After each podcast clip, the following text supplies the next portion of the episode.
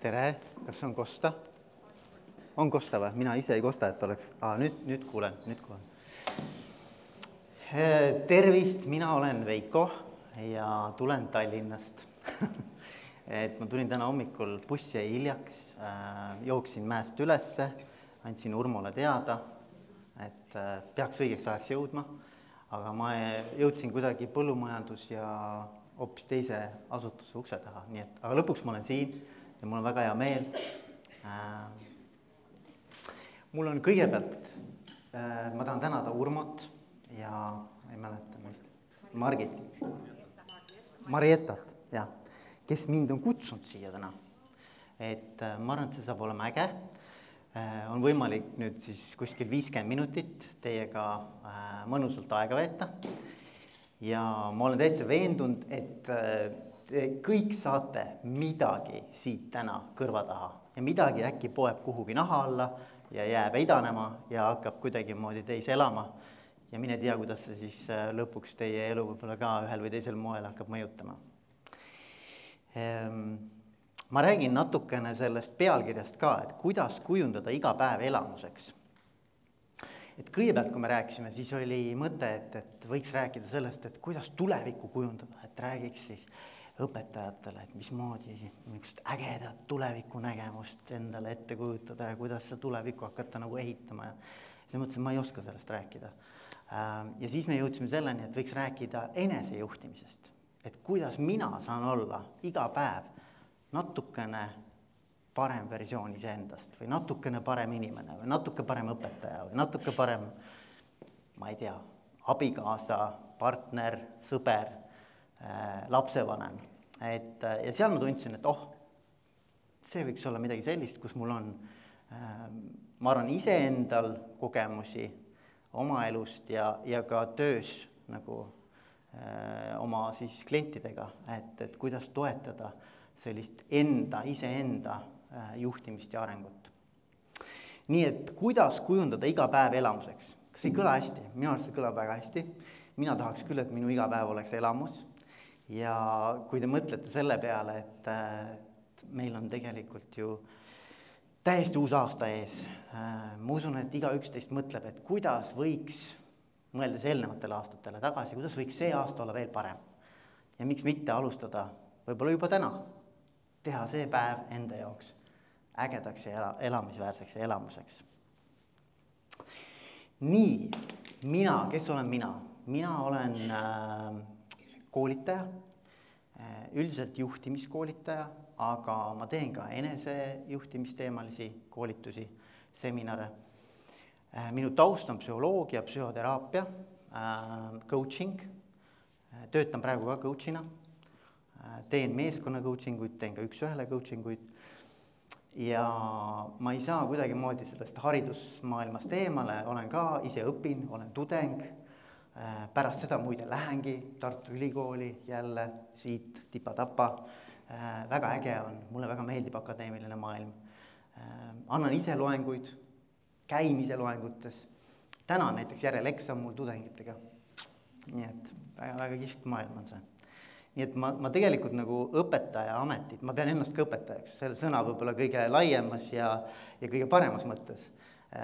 Et ma pean seda nagu väga väärikaks ja väga oluliseks.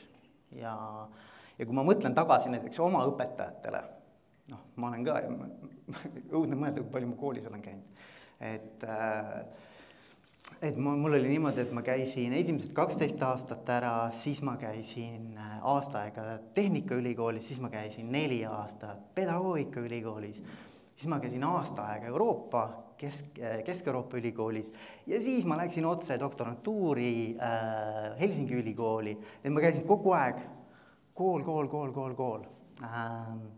nüüd vahepeal olen siis tööd ka teinud, kakskümmend pluss aastat aga nüüd läksin jälle kooli tagasi, nii et noh, see õppimine on mul nagu sihuke äh, pidev protsess. ja mida ma mäletan õpetajatest, ei ole see, mida nad õpetavad, vaid rohkem seda, et mis on nende selline energia, äh, olek, hoiak, mingid suhtumised, äh, mingi selline noh, nagu isiksus, ma arvan. noh, näiteks te kindlasti teate ka Voldemar Kolga lööb kellelgi mingid pirnid põlema. Voldemar Kolga oli minu õppejõud pedagoogikaülikoolis ja ma ütleks, ta oli nagu kõige, mitte et ta kõige targem, kindlasti ta ei olnud targem. ja noh, ta rääkis ka ikkagi noh, selles mõttes zombidest kuni ma ei tea, ufodeni välja, eks ole, erinevad teemad. ta oli kõikides teemades ekspert põhimõtteliselt. aga lihtsalt tema selline viis kuidas ta suhtles tudengitega ja mismoodi ta nagu oli ja kuidas ta ärgitas tegelikult kriitiliselt mõtlema ja igast asjast nii-öelda nagu mingisuguseid vaatenurki omama, et, et see oli see, mis mina, minule väga mõjus ja, ja, ja ma arvan, noh, et õpetajana ka mõelda, et, et kuidas mina tegelikult neid õpilasi, kes mul on, kuidas ma nende elu nagu mõjutan, tegelikult me mõjutame väga palju neid. ja muidugi mäletan ka, mõned õpetajad olid sellised, et et ennem igat tundi, näiteks meil oli füüsikaõpetaja selline, et ennem igat tundi me pidime WC-s ära käima, sest meil oli lihtsalt nii paha. saad aru, see oli nagu ennem eksamit iga kord. et teadsid, et see on õudne, kui sa sinna lähed. Et näiteks ka siuksed kogemused on, et, et õpetajana sa võid omada väga erinevat mõju. et nii palju õpetamist ja siis õpetajana tunnen ennast ka mingis mõttes. Ähm,. ja, ja, ja see on kuidagi jah, mulle südamelähedane. Vot, ja mis ma veel enda kohta ütlen, ma olen tegelikult kakskümmend pluss aastat personalivaldkonnas töötanud, erinevaid personalifunktsioone äh, täitnud, tõesti ühest otsast teise kõike läbi teinud, alates värbamisest, lõpetades seal arenduse ja koolitusega. ja see ongi nagu põhiline minu kompetents, personali juhtimine. nii, aga asja juurde. mul on mõned slaidid ma küsisin Urmo käest, et kas slaide saab näidata või ei saa, oleks teinud ilma slaidideta, aga ma arvan, et slaidid on selles mõttes hea funktsioon, et äh, seal ei ole nii palju mitte seda nagu ütleme, seda tarkust, aga seal on mingid märksõnad, mis võib-olla, kui seda visuaalselt ka näete, siis jäävad kuhugi kuklasse, et, äh, et selline visuaalne ka nagu mingid olulised märksõnad ära, ära markeerida. ma alustan natuke morbiidselt, et äh, et kui ma nagu mõtlen selle peale, et mis on elus oluline ja millal me hakkame mõtlema, et mis on elus oluline, siis see tekib kuidagi millegipärast sel hetkel, kui sa saad oma sellisest igapäevasest oravrattast välja tulla ja võib-olla on elus toimunud mingid suured muudatused, mingid kriisid äh,, mi-, midagi, mis raputab. ja siis sa hakkad nagu mõtlema tegelikult selle peale. ja mulle väga sümpatiseeris ühe austraallanna raamat, see on eesti keelde ka tõlgitud Äh, viis surmaeelset kahetsust. ja ta oli viisteist aastat, oli hooldusõde siis nii-öelda eakate äh, hooldamisel ja, ja kuulas nende lugusid ja kirjutas neid ülesse. ja pani selle kohta kokku raamatu ja sealt koorus välja niisugused viis teemat, mida siis need eakad inimesed, kes oma viimasel elu lävepakul on, mida nad siis äh, oluliseks pidasid või mida nad meenutasid ja ma ei hakka neid viite asja nagu üksipulgi läbi käima, aga mis sealt nagu koorus välja, oli nagu kaks asja, ütleme, võtaks veel nendest viiest nagu kaks. üks oli see, et äh, elada rohkem iseenda väärtustele vastavalt, mitte niivõrd võib-olla teiste ootustele vastavalt. ehk et kuidas olla iseendaga rohkem kooskõlas ja autentne. Äh, teada, mida mina tahan ja kuidas seda ka päriselus siis selle järele minna ja seda päriselt elada.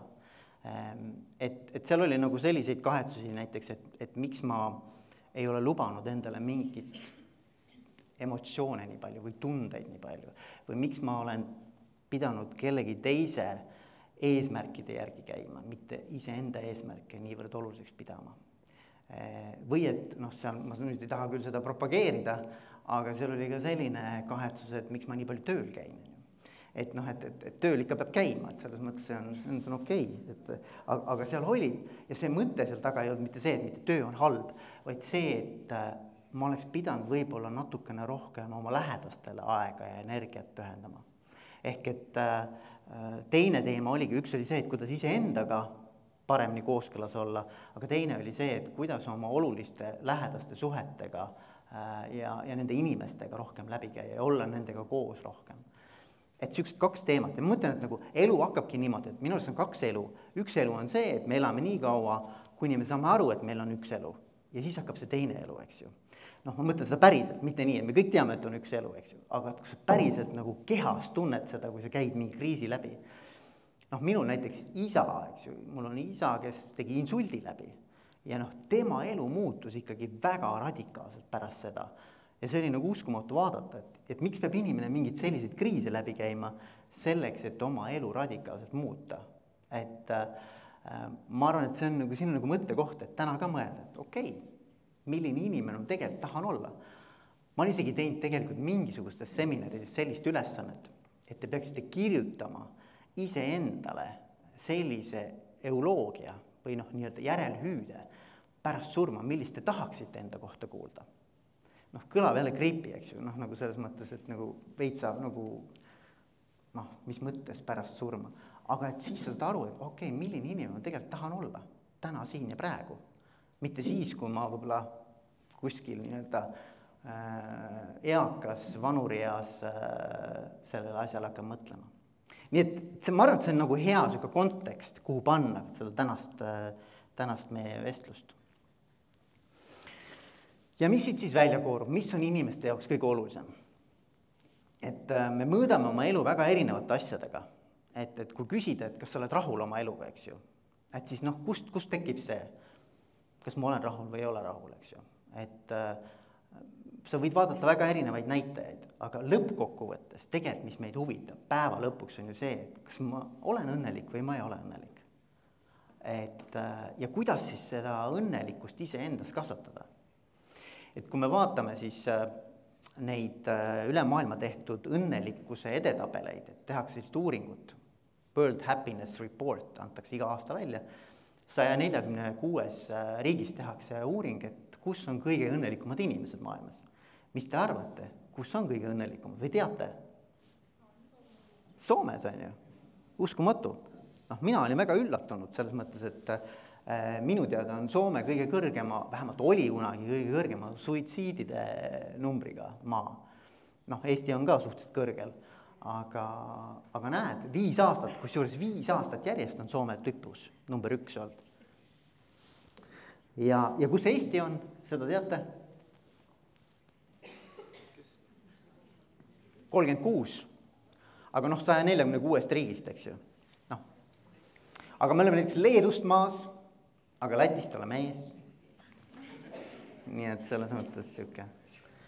aga seal eesotsas, noh, ütleme topis on tegelikult ikkagi pigem heaolumaad, eks ole. Äh, Skandinaavia riigid, Šveits, eks ju, noh, Holland. et pigem, pigem need maad aga noh, ma ütlen, et, et, et kui me mõõdame midagi, et kuidas meil elus läheb, siis, siis see õnn on minu arvates nagu üks asi, mida võiks enda jaoks nagu täpsemalt defineerida ja kuidas me siis defineerime, kes on õnnelik inimene? psühholoogid on teinud hullult tööd ja pannud paika igasuguseid erinevaid mõõdikuid. üks väga lihtne viis, kuidas nad seda on äh, määratlenud, on see, et mitu positiivset kogemust mul elus on ühe negatiivse kogemuse kohta. ehk see suhtarv. noh, mul on siin, muidu ma küsiks teie käest, mis see on, aga äh, see on üks kolmele on nad öelnud, et kui sul on üks kolmele, siis sa oled õnnelik inimene, kui sul on rohkem, seda parem. kui sul on juba väga palju, siis tekib küsimus, kas sa oled üldse reaalsuse kontaktis muidugi, on ju. et selles mõttes nagu, et, et, et mingil hetkel nagu see, see suhe nagu võiks nagu maa peale tulla, on ju. Äh, või noh, igal juhul ma arvan, et selleks, et tunda ennast õnnelikuna, sa pead mingil hetkel tundma ennast ka õnnetuna. et noh, muidu on nagu väga raske aru saada, et ma üldse õnnelik olen, kui ma kogu aeg õnnelik olen, eks ju et, äh, et noh, kõik tunded käivad tegelikult, ma arvan, täisväärtusliku elu juurde, aga et nagu üks kolmele ja siis võid hakata mõtlema, et kuidas minu elus asjad on. üks teine mõõdik, mis on seotud sellega, on äh, suhete teema, et millal on, millal saab öelda, et näiteks suhe on äh, toimiv või suhe on jätkusuutlik, suhe on hea kahe inimese vahel. seda on ka uuritud ja, ja väga oluline teema selles mõttes, et et üks kõige suuremaid stressiallikaid tööl ja kõige olulisema mõjuga on just suhted, inimsuhted.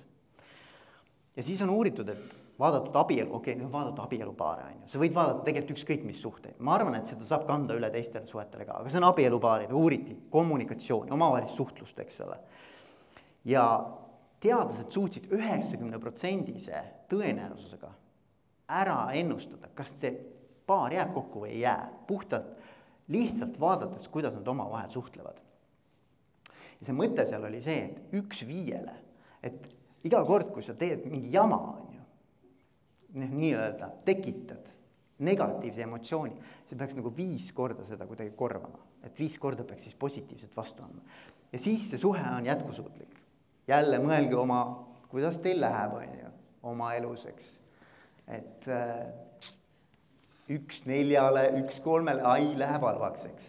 et nagu ja, ja tegelikult, kui sa seda nagu tõsiselt võtad, noh, me teeme nalja siin natukene, aga kui seda tõsiselt võtta, siis tegelikult see on äh, väga hea indikaator endale ka, et oot-oot-oot, kuule, et kas ma praegu nagu seda suhtekapitali nagu kasvatan, kas ma panen sinna nii-öelda noh, nii nagu pangakontole panen nii-öelda raha sisse või ma võtan kogu aeg välja, on ju, lõpuks ei ole midagi enam välja võtta, vaata et, et selles mõttes nagu äh, käsitleda neid suhtarve tõsiselt.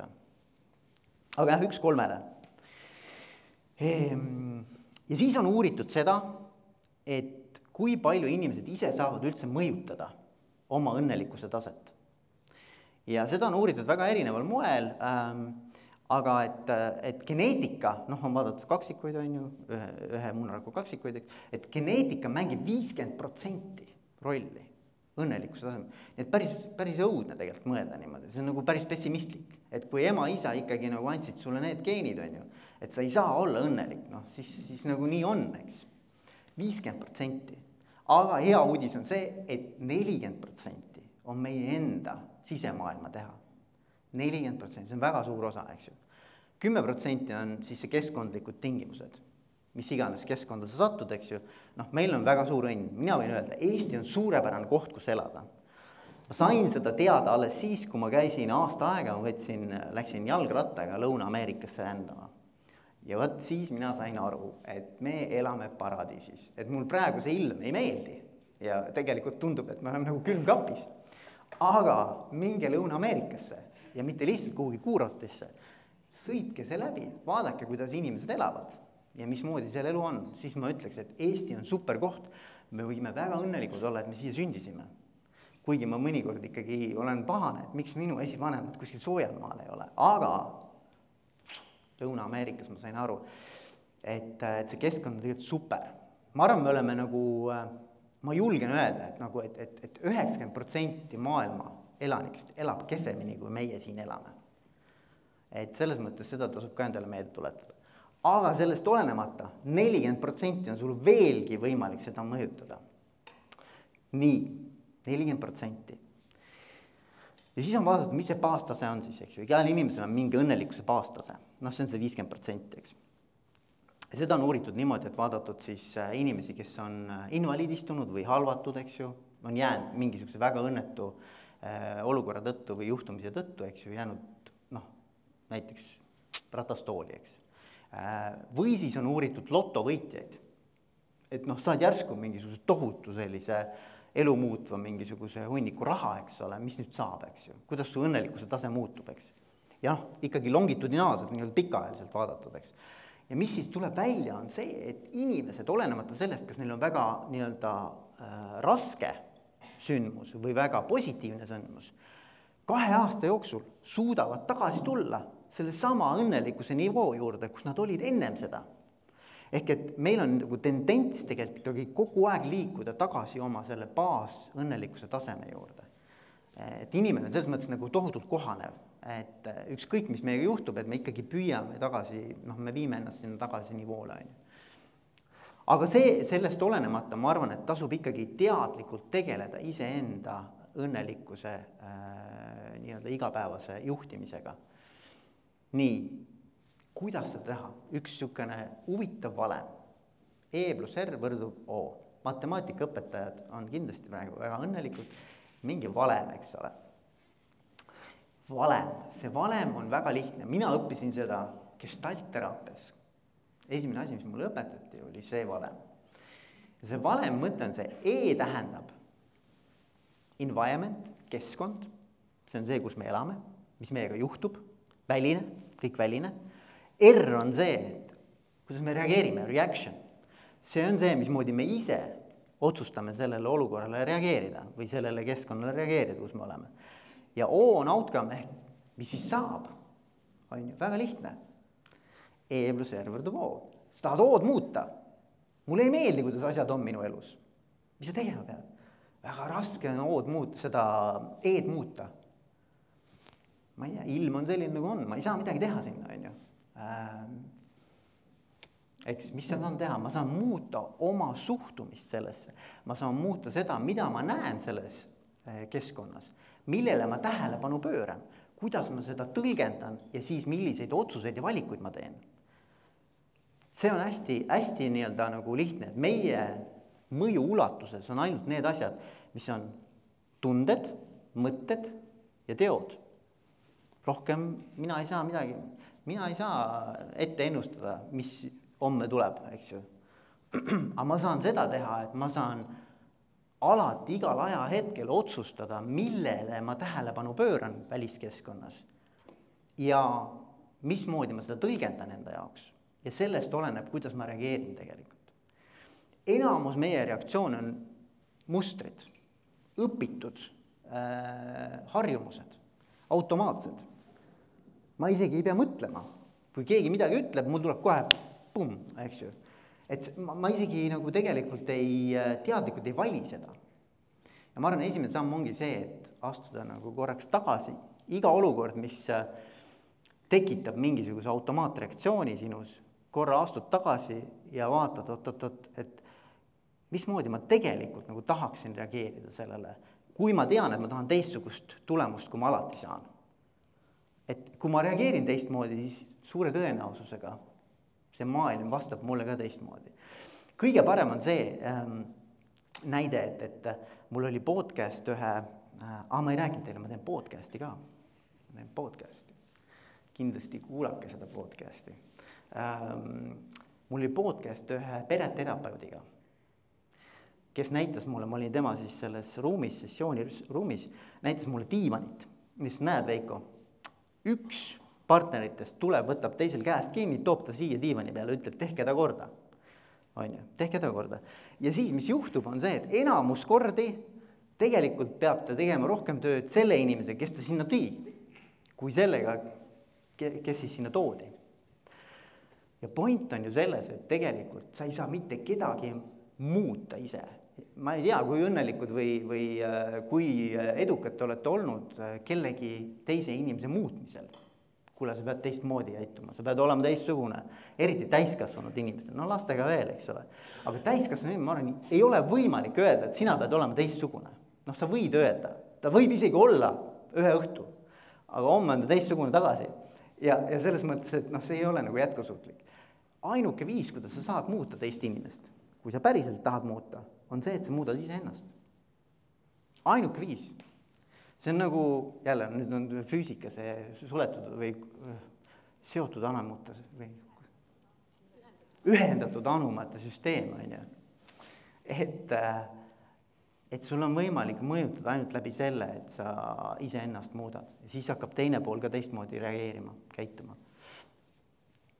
seda on absoluutselt kõikide eluvaldkondadega, ükskõik mis eluvaldkonnas, näiteks kui ma laseks teil teha niisuguse eluratta, olete teinud kunagi? eluratas on ju, sul on erinevad eluvaldkonnad ja siis hindad, kuidas mul läheb noh, suhetes, raha, töö, sõbrad, tervis, on ju.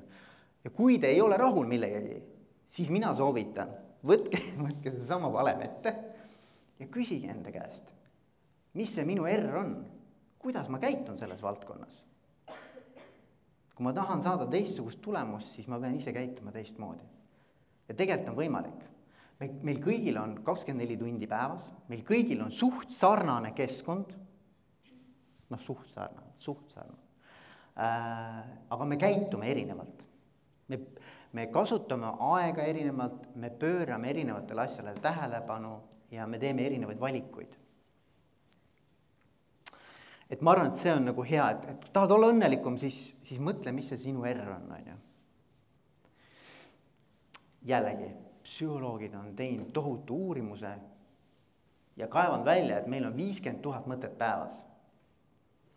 enamus neist on korduvmõtted ja enamus neist on negatiivse alatooniga mõtted. ehk me ketrame samu asju peas, noh, mingi väikse teise soustiga, teise värvinguga, aga suht sarnaseid mõtteid, kogu aeg ketrame, on ju. ei pane ise ka tähele seda enam.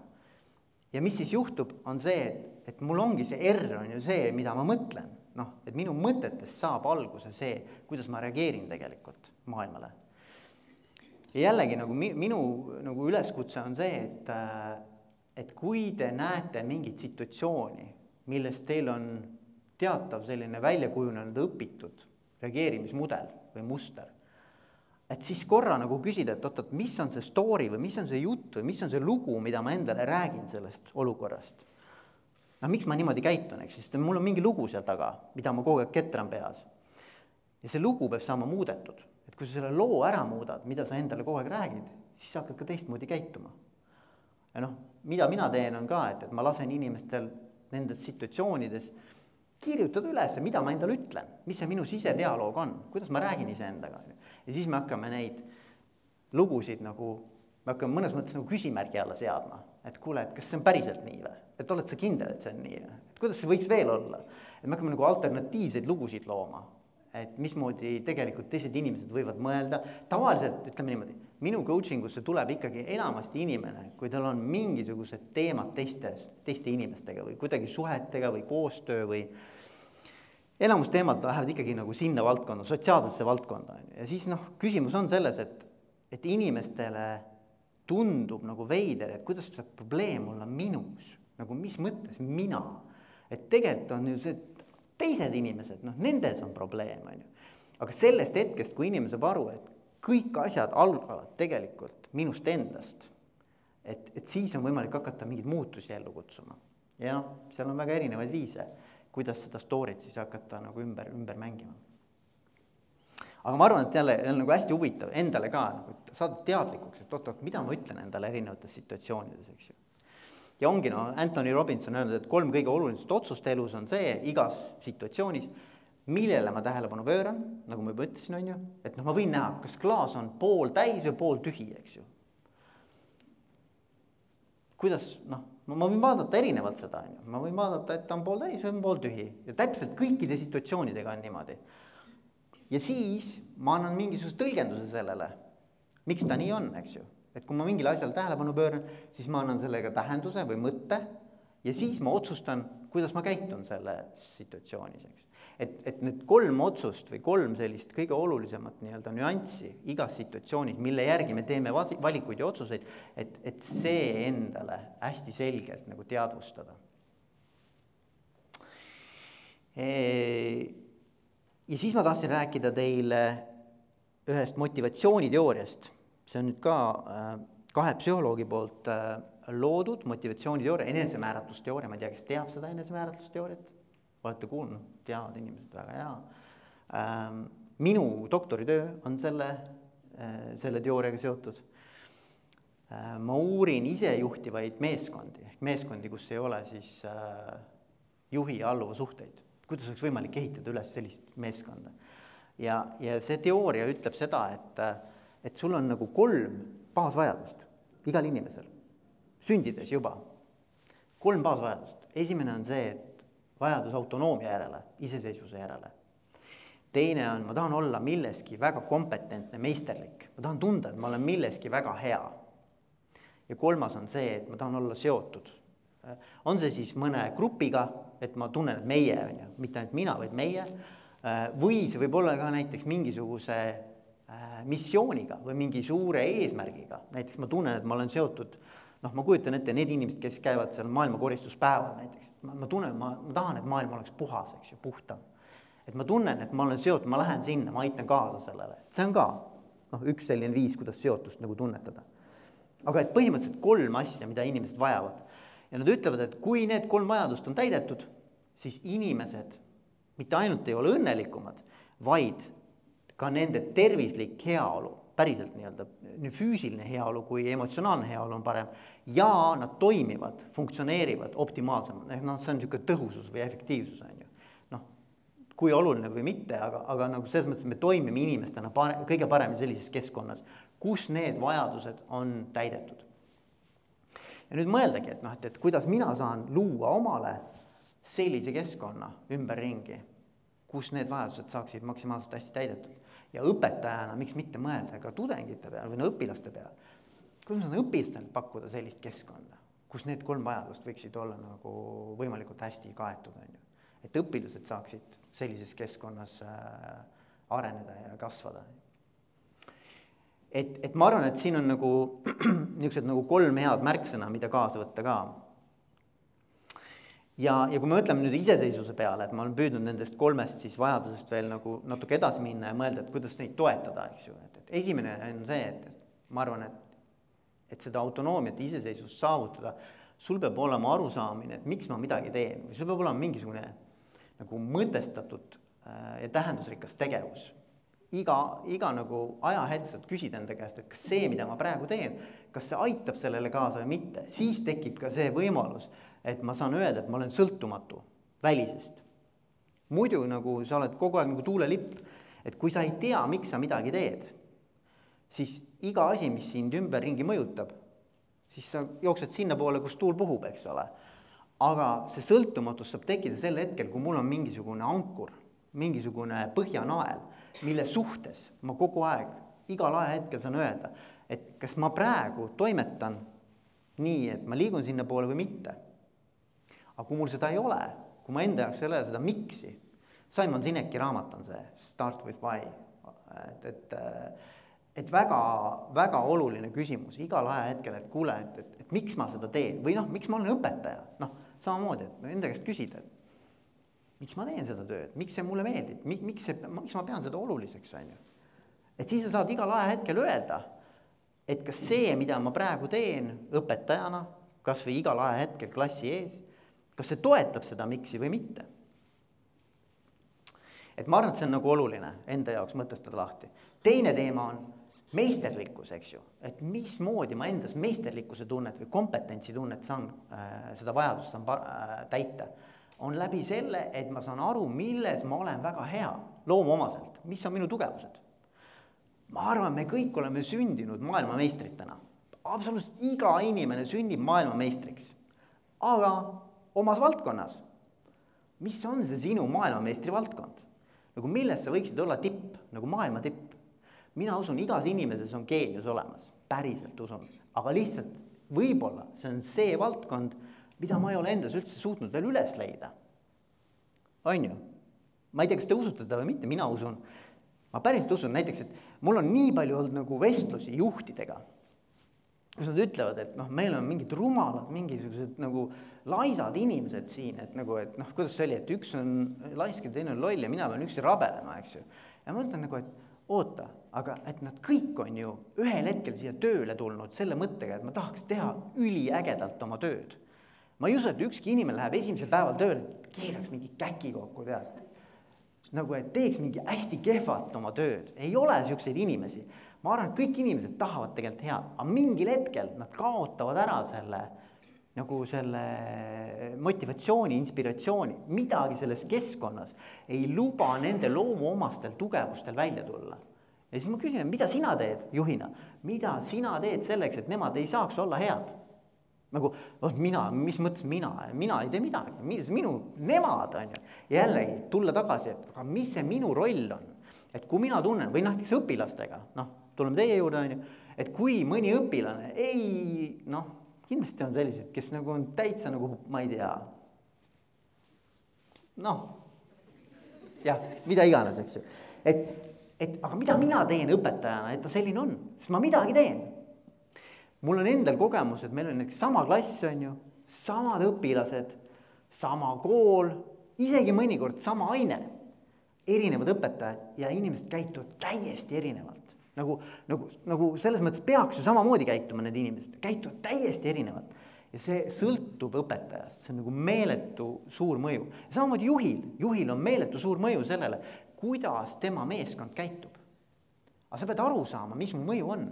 et kui ma arvan, et ma, et noh, nemad peavad seal muutuma, mina, mina olen kõik okei okay,, on ju. et siis ei saagi tekkida seda, aga ma arvan, et nagu, et, et, et iga inimene tegelikult ja see on see, mida see teooria ka, enesemääratlusteooria ütleb, iga inimene tegelikult tahab kasvatada endas neid loomuomaseid tugevusi. ta tegelikult tahab nendega toimetada ja neid kasutada ja rakendada. aga ta ei ole, järelikult see keskkond ei luba või keskkond ei ole aidanud tal äh, seda, seda nii-öelda potentsiaali avada, eks ju. et jällegi nagu, nagu see, ma arvan, et see on nagu oluline endale ka mõelda, et aga mis minu tugevused on ja, ja kuidas ma saan enda ümber olevaid inimesi ka aidata nende tugevuste leidmisel. aa, mis on üldse, kust te teate, mis teie tugevus on? kust te teate? mis asi? keegi peab ütlema.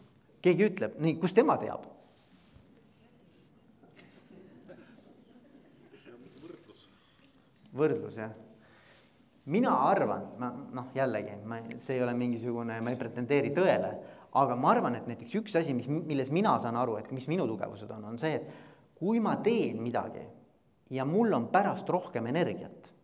okei okay,, ma võin füüsiliselt väsinud olla, aga mul on emotsionaalselt on mingisugune nagu sihuke kõrgendatud meeleseisund, on ju. siis see on minu jaoks nagu tugevus, ehk et miks ma podcast'i teen, ma ei ole ühtegi korda läinud ära podcast'i vestluselt nagu kehvemas emotsionaalses seisundis, kui ma sinna läksin. ma alati saan mingisuguse kiki sellest. noh, ma ei teeks seda muidu, et mulle väga meeldib äh, podcast'i teha ja rääkida inimestega noh, nendele olulistel teemadel. mis on see, mis teile energiat annab? ma arvan, et see on energia, vaata, et see on midagi, mis annab energiat. usute seda või? muidugi usute, muidugi et, et ühesõnaga, mis energiat annab, ma arvan, et see on hea indikaator. ja suhetest, me juba natuke suhetest rääkisime, eks ju ähm,. mees, seesama mees, Robert Waldinger, tema on äh, Harvardi ülikoolis sihukese väga pikaajalise, tänaseks juba üle kaheksakümne aasta toimunud uuringu direktor.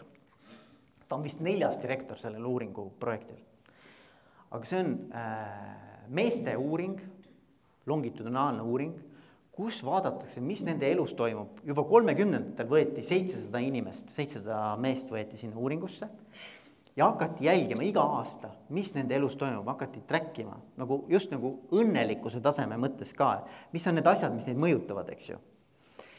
ja nüüd on juba nendel esimestel meestel on juba lapsed ka selles uuringus ja nad jätkavad ja jätkavad selle uuringu läbiviimist ja number üks asi, mida nad on nende kaheksakümne aastaga välja peilinud, on see, et suhete kvaliteet on kõige suurem mõjutaja elukvaliteedil. ehk et äh, kui te mõtlete, et te tahate elada kauem, te tahate olla õnnelikumad, tahate olla tervemad, äh, siis keskenduge oma suhetele ja see ei ole mitte niivõrd kvantiteet, ei pea olema palju suhteid, vaid see peab olema mingisugune niisugune noh, lähikond, kellega te päriselt saate väga hästi äh, läbi. et teil on niisugused äh, nagu emotsionaalselt ja usalduslikud suhted. et see tegelikult mõjutab tohutul määral seda, mismoodi meie elukvaliteet välja, välja mängib, välja kujuneb. et ta isegi ütles niimoodi, tema sõnad, et, et loneliness kills ehk et, et, et kui te jääte üksi mingil hetkel, noh, ka sa võid olla ka tegelikult ju abielus üksi, eks ju, noh, tegelikult nagu üksi, üksildus või, üksindus. võid tunda ennast üksinda. et see ei tähenda, et kui mul, kas mul on inimesi palju ümber või ei ole, vaid see tähendab seda, et kas mul päriselt on nagu emotsionaalne side, kontakt. kas mul on nagu see nii-öelda hea selline omavaheline klapp kellegiga. üks äh, oluline küsimus näiteks ka pühendumuse uuringus, ma ei tea, kas te teate seda Gallupi kaheteistkümne küsimuse töötajate pühendusme uuringut. see on üks hästi rahvusvaheline äh, uuring, mida, mis siis kasutatakse töötajate pühendumise uuringul. seal on üks küsimus kaheteistkümnest on, kas mul on töö juures parim sõber? ma ei arva, et peab parim olema muidugi, aga et kas mul on keegi, kes nii-öelda sõbra staatust omab noh, väljapool tööd ka, et, et mul on temaga okei okay minna näiteks õhtul baari, väike õlle on ju. või et kas mul, kas ma suudaks temaga olla näiteks neli tundi ühes lennukis näiteks koos. noh, kas ma tahaks olla temaga, istuda koos, on ju äh,. väljaspool tööd ka. et ühesõnaga suhted, suhted, et kui te midagi siit kaasa võtate, siis võtke see kaasa, üks asi, et äh, suhted on number üks, mis määrab ära nii stressitaseme, näiteks Mare Tehman äh, Tallinna Tehnikaülikoolist, tööpsühholoogia professor, ütles number üks tööstressor, inimsuhted või ka nii-öelda tööga rahulolu allikas, võib mõlemat pidi olla. number üks, mis annab sulle energiat, number üks, mis võtab sult energiat. nii, mina tänan praegu, aitäh, aitäh, aitäh sulle. aitäh teile. aitäh, aitäh.